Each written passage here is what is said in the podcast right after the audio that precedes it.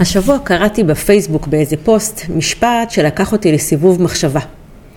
והמשפט אמר שבטיפול רגשי, להיות מיכל למה שהמטופלים לא מסוגלים עדיין לפגוש, זה חלק מרכזי בטיפול.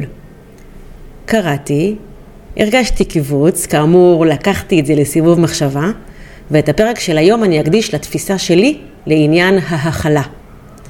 מליווי של מטפלים מכל מיני סוגים ומכל מיני אג'נדות, אני יודעת שהתוכן של הפרק הזה עלול להעלות התנגדות. אני רואה את המטפלים שאני מלווה, שבאים מגישות מכילות, שמאמינות בהכלה, מתגרדים למשמע המסרים שלי. לפעמים אפילו כועסים או חושבים שאני פועלת בצורה לא מקצועית. אבל אם יש משהו שלמדתי לאורך הדרך שלי כמטפלת, ולמדתי הרבה דברים, אבל אם יש משהו שאני יכולה להגיד שהוא הדבר שהיה לי הכי נכון, הכי קשה ללמוד, ואני שמחה שתרגלתי, אבל באמת הכי נכון, זה לעשות הפרדה בין מה שאומרים לי שנכון להיות מטפל, או איך זה נכון להיות מטפל, או איך מטפל אמור להיות, או מה זה אומר להיות מטפל, או מה זה אומר להיות טיפול, ובין למצוא את המטפלת שאני ואת הטיפול שאני נותנת. חלק מהבעיה של מטפלים שלומדים מהמורה שלהם זה שהם לומדים את כל המורה שלהם. לפעמים אפילו המורה שלהם נהיה המטפל האידיאלי. התחום שלו נהיה התחום הנכון, השיטה שלו נהיית השיטה הטובה ביותר, וזו טעות לדעתי להתנהל ככה כמטפלים. אני אומרת מתי שאני רק יכולה, שלא הכלים ולא השיטה הופכים אותנו למטפלים. אלא רק אנחנו, המטפלים, הנעזרים בכלים, הופכים את עצמנו למטפלים. ממש כמו שהמסור לא הופך את הנגר לנגר, אלא רק איך שהנגר יודע להחזיק את המסור ולהשתמש בו. אני אוהבת לתת דוגמאות מהנגריה, בן זוגי הוא נגר, והנגריה היא דוגמה טובה, היא מטאפורת הכלים. שהרי ברוב הנגריות יש את אותם כלים, את אותו מסור ואותם מכשירים, אבל מכל נגריה יוצאות עבודות שונות לגמרי, עם מוצרים אחרים לגמרי, ברמות גימור אחרות לגמרי, וכך גם בקליניקה.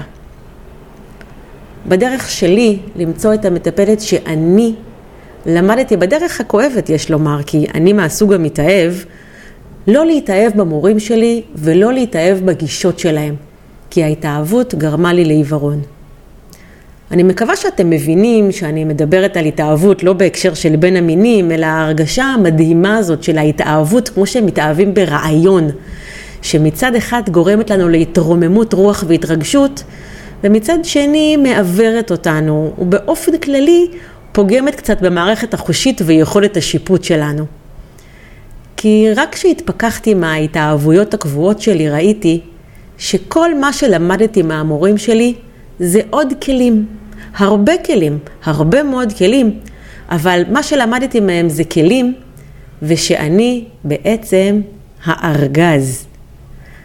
לא באמת רכשתי ארגז כלים, רכשתי כלים, ואני הארגז, ועכשיו צריכה לעשות את העבודה האמיתית של למצוא איזה סוג ארגז אני.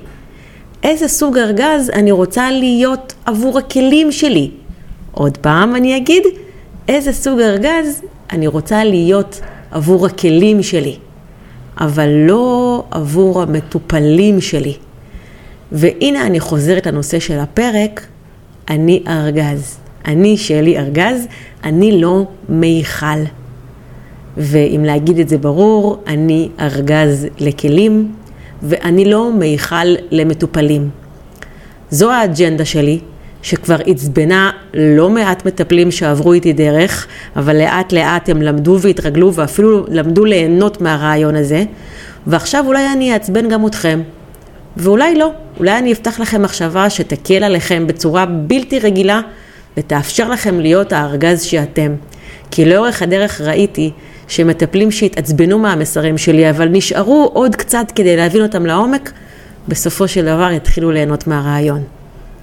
אז לפני שנתעצבן או נירגע, תלוי בכם, אני אציג את עצמי שלא, למי שלא מכיר. אני שלי, אני מטפלת בקליניקה המקסימה שלי כבר 18 שנה. ואיך אני סופרת כמה זמן הקליניקה שלי קיימת? אספר לכם. למדתי בבית ספר לאחיות ארבע שנים. שנה אחרי שסיימתי ללמוד נולד לי עומר, הבן שלי הבכור, והוא הפך אותי למטפלת יותר מבית ספר לאחיות. ולא, אני לא מתבלבלת פה. עומר אמנם הפך אותי לאימא, ובשבוע הבא יש לו יום הולדת 19, והוא הביא איתו חתיכת חבילה העונה לשם המוכר שיתוק מוחין. יש החושבים ששיתוק מוחין הפך אותי לאימא לביאה, אבל זה לא נכון. כל ילד שנולד הופך את אימא שלו ללביאה ואת אבא שלו לאריה. התסבכת הזאת שעונה לשם שיתוק מוחין לימדה אותי להיות מטפלת יותר טובה. כי ישר על ההתחלה הבנתי, גם בזכות מה שלמדתי בבית ספר לאחיות, שהטיפול הטוב ביותר נמצא מחוץ לקופסה. בשנה הראשונה לחיים של עומר למדתי על הבשר, שמה שמלמדים באקדמיה זה לא מספיק, ושצריך וכדאי לערער על הכל. למדתי שפיזיו... שפיזיותרפיה זה נהדר, אבל הפיזיותרפיסטית לא. וחיפשתי בכל הארץ ומצאתי את אביבה רצר, הפיזיותרפיסטית הידועה לשמצה, כי היא חושבת ועושה מחוץ לקופסה. ונסעתי אליה שלוש פעמים בשבוע מחולון לנתניה, ועם אביבה למדתי שמאוד כדאי לעשות הפוך ממה שחושבים כמטפלים. ואביבה, היא לא הייתה מכילה בכלל, והיא הייתה נהדרת. כשעומר נולד, נולדתי גם אני כמטפלת לפי הספר. לא נשמה טיפולית וכל אלה שאני אוהבת להגיד שמטפלים נולדים כמטפלים. בשנה הקשה הזאת שהוא נולד, אה, התחילה גם הבריחה שלי לקורס רפלקסולוגיה. היה אז מסלול מקוצר שמיועד לאחיות אקדמאיות, ואני, שבכלל לא מי יודע מה, רציתי ללמוד רפלקסולוגיה, הלכתי, כי זה נתן לי כמה שעות בשבוע אישור להיות מחוץ לבית. אז למדתי את הרפלקסולוגיה די מהר, וככה נהיה לי אישור חיצוני להיותי מטפלת, ונפתחה לי קליניקה. המורה שלמדתי ממנה רפלקסולוגיה הלכה בראש שלי מכות עם אביבה שלימדה אותי לחשוב אחרת. אך, איזה קונפליקטים מטורפים בראש, תענוג. ואני יכולה להמשיך ולספר לכם על עצמי, אבל לא לשם כך התכנסנו הפעם, אלא כדי להגיד שכבר 18 שנה מאז שהקליניקה שלי יצאה לדרך, ואני לא צריכה לספור את זה, כי אני פשוט מחשבת בין כמה עומר, אה, בין כמה עומר היום, ויש לי את התשובה. ולענייננו, אחרי שהסכמתי להגיד שאני ארגז, לא מקרר ולא חבית, ארגז, כי בואו בכל זאת יש פה אישה מאחורי כל ההגדרות האלה. אני אגיד את הכותרת של הפרק הזה, אני לא מיכל, אני לא אוהבת להכיל, אני גם לא חושבת שאנשים צריכים להכיל אותי, אני לא חושבת שאנשים צריכים להכיל אותי בתוכם, ולא את הבעיות שלי, ולא את הצפת הרגשות שלי, ובטח לא את המחלות שלי. אני צריכה שהמטפלים שלי יהיו מטפלים, לא מיכלים, שהחברים שלי יהיו חברים, לא מיכלים, שהבן זוג שלי יהיה בן זוג, לא מיכל. ויודעים מה? גם אימא שלי שנפטרה, ואני מסכימה עם זה שאימא צריכה להיות מיכל, אבל רק לפרק זמן קצר מאוד, ומתוך הבנה מלאה של מה זה אומר להיות מיכל. וממה שאני רואה, הרבה אימהות לא מדברות עם החלק המכיל שלהם, ולכן ממשיכות להיות מיכל הרבה אחרי שכבר לא צריך, וזה כבר פוגם ומייצר נזק. לתפיסתי, גישת המיכל היא פתח לתקלות בלתי נגמרות, שהחמורות בהן עוברות דרך אישור לא להציב גבולות, אישור לאי לקיחת אחריות, לבעיות של חוסר נפרדות. זה מתכון גרוע לבעיות של אמפתיה עודפת והזדהות, וזו גם גישה עם מתכון נפץ למערכות יחסים רעילות. ועכשיו רגע disclaimer, או מה שנקרא רגע שנייה. אני יודעת שיש גישות טיפוליות שהכלה זה כל הרעיון שלהן. המטפל ירגיש בתוך עצמו את מה שהמטופל שלו חווה, או המטפל ישחזר כהורה עם המטופל את החוויה הילדית כדי לעשות תיקונים. לא למדתי את הגישות האלה, לא התנסיתי בגישות האלה, ואם יש מטפלים שמרגישים שזה מתאים להם, אז יופי. ולמה אני אומרת את זה? כי אני באמת מאמינה שאין גישה אחת לטיפול. יש הרבה דרכים לעבור ריפוי, יש הרבה דרכים לעזור לאנשים, ולכל ארגז יש את הכלים שלו.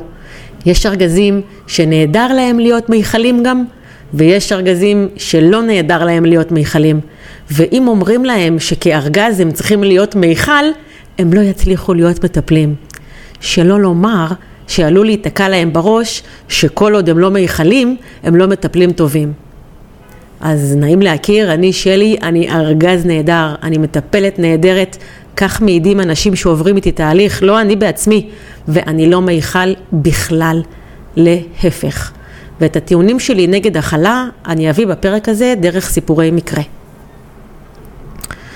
סיפור ראשון, אני במכון הפיזיותרפיה עם עומר התינוק. בחדר הגדול יש מזרן על הרצפה, וכל פיזיותרפיסטית מוצאת לה פינה משל עצמה ומותחת ומקפלת ילד אחר, תרגילי פיזיותרפיה.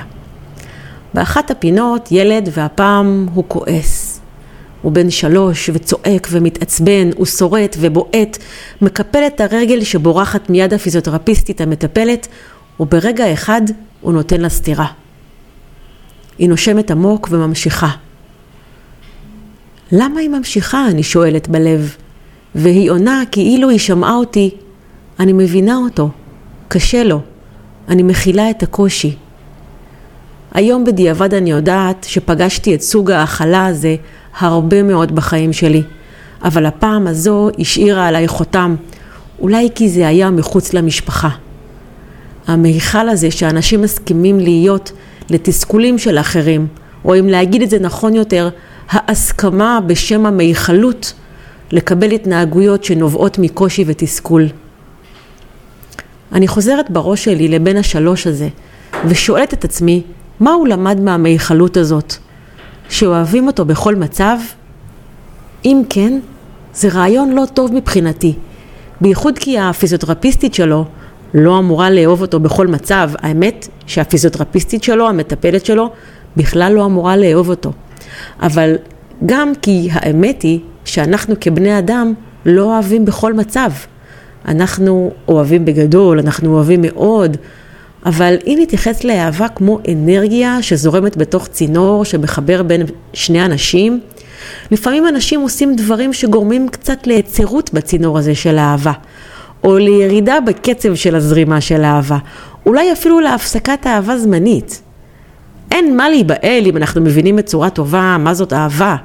אין מה להיבהל מהמצב הזה, אבל המציאות, החיים שלי, וגם השיעור שעברתי השבוע עם כיתת המטפלים על אהבה, הראה לי שהרבה אנשים לא מבינים ממש עד הסוף מהי אהבה, ומאוד נבהלים שהצינור קצת נסגר להם. לצערי המציאות גם מראה לי שאנשים שאוהבים בלי תנאי מועדים לפורענות ומוכנים לקבל סתירות בשם האהבה עם כותרת של מיכלות. אז כדאי שנעשה קצת סדר בין כל בלגן המונחים הזה, כדי שלא נערבב אהבה בכל תנאי עם מיכל של תסכול. ואם אני חוזרת רגע לראש של הילד הזה, אולי הוא למד שמקבלים אותו בכל מצב? לא אוהבים אותו, מקבלים אותו בכל מצב, וגם זה רעיון לא טוב. כי לא מקבלים אנשים בכל מצב. אולי הוא למד שמותר להרביץ כשאתה מתוסכל, רעיון לא טוב. או אולי כשאתה מתוסכל, כועס, עצבני ועייף, מותר לך להעיף את הקושי שלך לכל הכיוונים. לא, גם זה רעיון לא טוב. אולי הוא למד שפיזיותרפיה ולמתוח עכשיו את הידיים והרגליים זה יותר חשוב מלהקשיב לצרכים האחרים שלך? לא יכול להיות, ואם כן, אז זה רעיון לא טוב. איך שאני לא הופכת את זה, אני לא מסוגלת להבין את המטפלת המכילה הזו, שמקום העבודה שלה, שאני חושבת שזה לא עניין של אג'נדה מקומית להיות מיכל שם, אבל המטפלת המסוימת הזאת, עם הגישה המיכלית שלה, מקום העבודה שלה הופך אותה לסף אגרוף בחסות ההכלה. ואני משוכנעת שהיא לא תחזיק מעמד בעבודה שלה, ואם כן, אני לא רוצה לחשוב מה קורה בחיים שלה מחוץ לעבודה.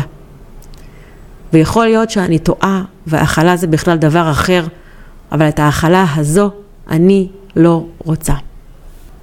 סיפור שני, אני בתפקיד המטפלת בחדר עם אדם עם פוסט-טראומה. הוא מרגיש צורך לספר לפרטי פרטים מה קרה לו באירוע הטראומטי. אני מרגישה שהגוף שלי מתכווץ, מפחיד אותי לשמוע מה בדיוק קרה שם.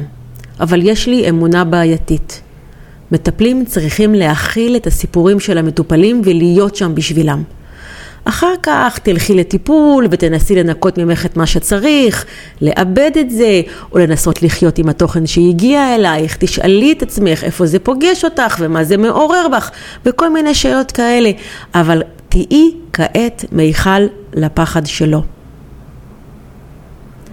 יכול להיות שאני טועה והכלה זה בכלל דבר אחר, אבל את ההכלה הזו אני לא רוצה. סיפור שלוש או שתיים ב', אני בתפקיד המטפלת. זה מתחיל מתוך משהו שנראה כמו שיתוף תמים, ופתאום מטופל מתחיל לספר לי פרטי פרטים על חוויה מינית שעבר לאחרונה הרבה מעבר למה שנכון לי לשמוע. אני ארגז, ורק אחרי שהמפגש נגמר ואיבדתי עם עצמי, קלטתי שהתנתקתי לגמרי מעצמי בזמן שהוא סיפר. ואיזה מזל שאני לא מיכל, וכן, זה שלח אותי לחזק את גבולות הארגז שלי. ויכול להיות שאני טועה, והכלה זה בכלל דבר אחר לגמרי, אבל את ההכלה של הדברים האלה אני לא רוצה. סיפור 4, בואו נקליל קצת. אני מלווה מטפלת, למטופלת שלה יש הפרעות קשב, ולכן היא מאחרת כל הזמן למפגשים או שוכחת להגיע. והיא מכילה את זה, המטפלת. למה היא מכילה את זה? כי היא למדה באקדמיה כעובדת סוציאלית להכיל. עובדים סוציאליים הם המטפלים הכי מכילים שיש. וזה לא המטופלים שלהם שגורמים לבעיה, או הסיפורים, או השיתופים, או החוויות, אלא המדינה ותנאי העבודה שגורמים לכל העניין הזה של ההכלה להמון המון בעיות. אז לעובדים סוציאליים יש המון בעיה עם אה, הכלה כשהם עובדים של המדינה, אבל עובדים סוציאליים שיוצאים החוצה לקליניקה פרטית, וואו וואו, פה זה ממש התנגשות עולמות. כי עו"סית בשירות הציבורי, הפרנסה גם ככה קטנה שלה, לא נפגעת כשמטופל איחר או לא בא כי הוא מבולגן. אבל עו"סית בקליניקה פרטית שמכילה, יושבת פעם פה ופעם שם ומתכוננת למפגש והמטופלת לא מגיעה ובגלל שהיא מבינה ומכילה יש לה קושי לגבות כסף על מפגש שלא מתקיים והדבר הזה חוזר על עצמו שוב ושוב ובגלל שהיא מכילה היא נותנת עוד חצי שעה למרות שזה מעבר לזמן שקבעו כי היא למדה שמכילים. אבל האקדמיה כאוסית והשוק הציבורי כעובדת סוציאלית, זה חיים אחרים לגמרי. ואני שואלת אותה, למה היא לא שמה גבולות? והיא עונה לי שזה בגלל שהיא מכילה את הבעיה. ויכול להיות שאני טועה, והכלה זה בכלל דבר אחר, אבל אה, כן, זה לא הכלה. זה פשוט קושי לשים גבול בכסות של הכלה. ואני לא יודעת מה האג'נדה שעומדת מאחורי הדבר הזה, אבל הכלה כזאת אני לא רוצה. סיפור חמישי על אמפתיה והכלה. אנחנו בכיתת המטפלים שלי, ומטפלת שמגיעה משיטת טיפול מכילה היא חלק מהכיתה שלי. היא מספרת לי שהגישה כולה מבוססת על זה שהמטפל ירגיש את מה שהמטופל מרגיש. ואני שואלת אותה, אז את צריכה להרגיש את האשמה שלה, הבושה, הכאב כדי לטפל בה? והיא עונה לי שכן. ואם לא תרגישי את זה, לא תוכלי לטפל בה? אני שואלת את עצמי ולא אותה. כי בתפיסה שלי, כשאני מרגישה את הכאב של האנשים שאני מלווה, אני עושה עבודה פחות טובה. לעתים קרובות מטפלים אומרים שהדבר הכי חשוב למטפלים זה להיות אמפתיים, ואני חושבת שזה לא נכון, והנה אני מסבירה. אמפתיה היא היכולת של בני האדם להרגיש בתוך עצמם רגשות של אחרים. והיא כלי אבולוציוני של המין האנושי, כי היכולת הזו להרגיש כאב של אחר גורמת לי לקום לעזרתו. אנשים בלי אמפתיה לא מרגישים שלאחרים כואב, ולכן אין להם בעיה להמשיך לאכול צ'יפס כשאחרים סובלים להם מול העיניים. שלא לומר, אין להם בעיה בעצמם לפגוע באחרים אם זה מה שעושה להם כיף, כי אין להם את הקיבוץ הזה שמרגישים אנשים עם אמפתיה כשהם מכאיבים לאחרים. בני האדם יכולים לחוש אמפתיה גם סביב רגשות חיוביים, מה שנקרא לשמוח בשמחתו של האחר. הם ממש שמחים כשמישהו אחר שמח, ולכאוב את כאבו של מישהו אחר. הם ממש כואבים את כאבו שלו. זה גם מה שיגרום להם לקום ולתת חיבוק, או להכניס יד לכיס ולהוציא כסף, או להזיז הרים עבור אחרים. אבל בכל הקשור לאמפתיה, זה מתחיל מזה שאני מרגישה את הכאב של שולה ולכן אני זזה. כואב לי, הכאב שלה, הוא כואב לי ולכן אני זזה. אם הכאב של שולה לא יכאב לי, אני לא אזוז. אז נגיד שוב, אמפתיה עושה שיכאב לנו כדי שנעזור אחד לשני. זה לא כי אנחנו טובים או, רחום, או רחומים, אולי אנחנו כן, אבל בכל מה שקשור לאמפתיה, אמפתיה מקימה אותנו מהכיסא לא מטוב לב, אלא מכאב. זו לפחות תוכנית המקור. בטח שמתם לב שככל שאתם נחשפים ליותר ויותר כאבים של אחרים, האמפתיה שלכם נשחקת. זה לא כי אתם רעים או חסרי אכפתיות, זה כי גם זה, זה חלק ממערכת ההגנה ומהיותנו בני אנוש כל כך לא מושלמים. בשביעי לאוקטובר למשל ובימים שלאחריו האמפתיה עשתה מאיתנו קציצות. זה לא משנה אם הייתם מהסוג שפועל או מהסוג שכופה. זו האמפתיה וגם הקיצון שלה, ההזדהות, שהרגו אותנו אחרי שהמחבלים הלכו. וגם הפחד, אבל גם האמפתיה. אני זוכרת, בערך שבוע וחצי אחרי השביעי באוקטובר חזרו הפרסומות לטלוויזיה. בהתחלה אלו היו החברות הגדולות עם מסרים כמו בימים קשים אלה וכל מיני כאלה, אבל הם החזיקו את האמפתיה האישית הפרטית שלהם כבני אדם ביחד עם הצורך להתפרנס כחברה. ואני זוכרת שחלק מהמטפלים סבלו מאוד מהעניין הזה של השיווק בשבוע וחצי של אחרי השביעי באוקטובר.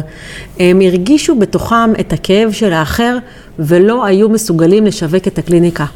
למרות שלשווק את הקליניקה זה להציע עזרה, ולמרות שלשווק את הקליניקה זה פרנסה שלהם, וזה לא היה רק עצב, בהלה ויציאה מוחלטת מהחיים כמו שידענו שמנעו ממטפלים לשווק אז בימים ההם את, את עצמם.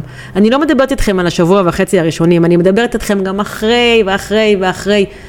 זו הייתה גם האמפתיה. אני זוכרת את עצמי אומרת למטפלים שאיתי בכיתות שלשווק קליניקות זה לא למכור מסיבות, זה לא לעשות קופה על הגב של כאבים של אחרים. לשווק קליניקה זה להגיד בקול רם אני יכולה לעזור. את מי מעניין עכשיו הדרכת הורים? שאלו אותי המטפלים. אז האמת שבאמת, בשבוע וחצי הראשונים לא עניין אף אחד כלום, וזה לא בגלל האמפתיה.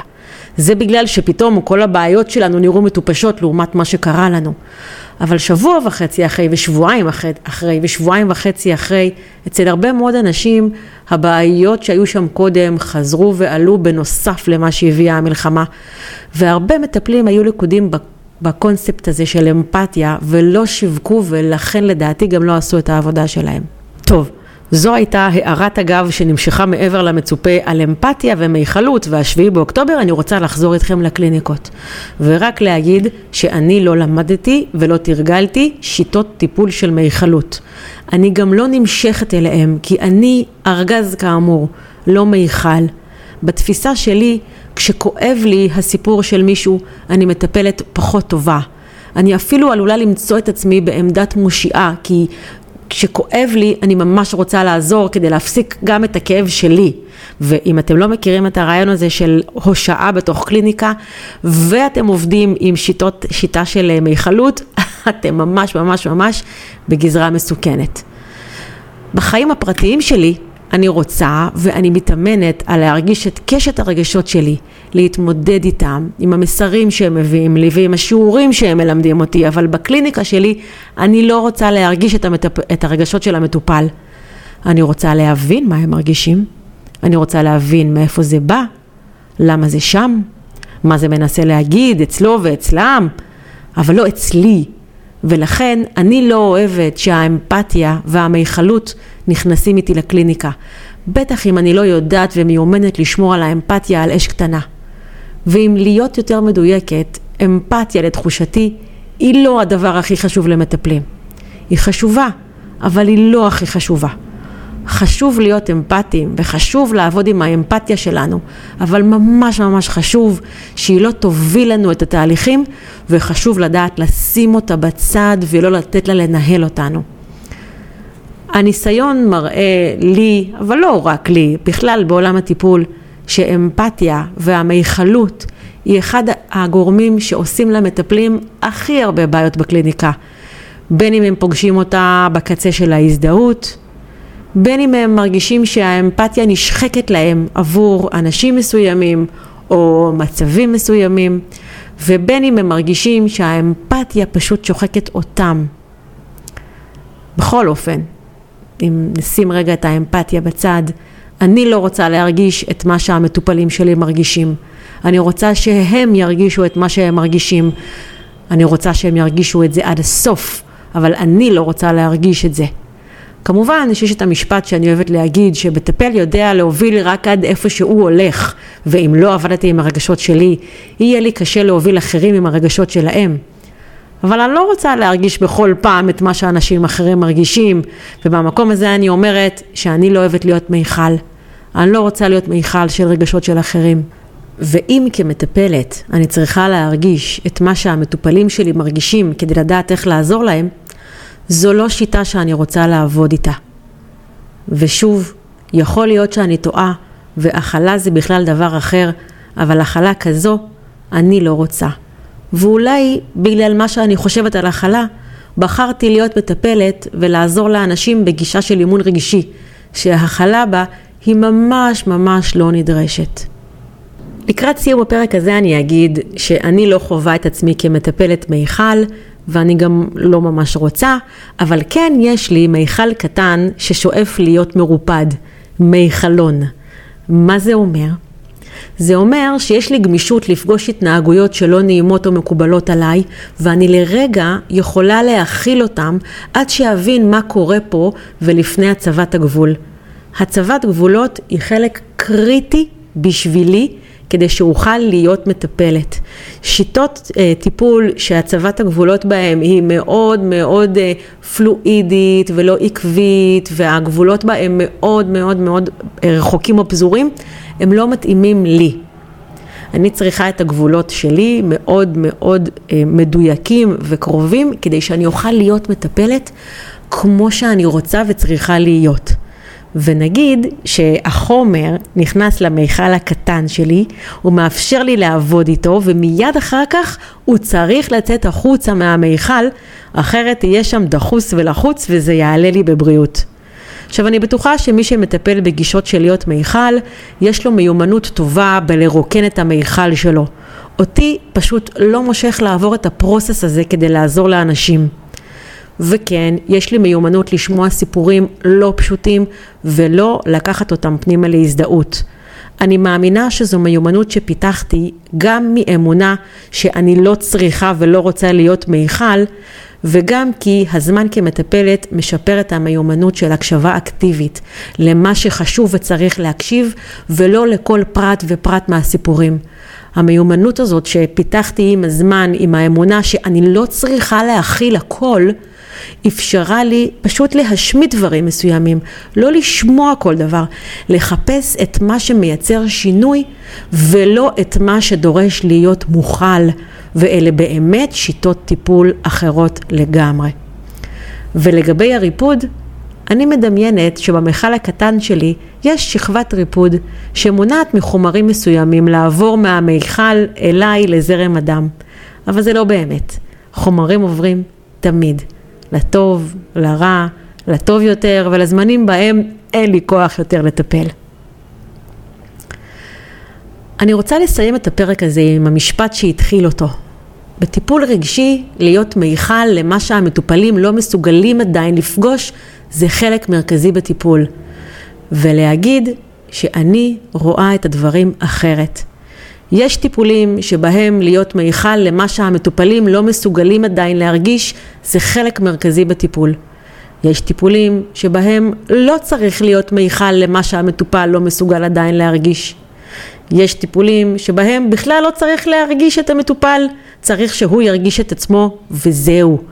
אין אמת אחת בגזרת הטיפולים.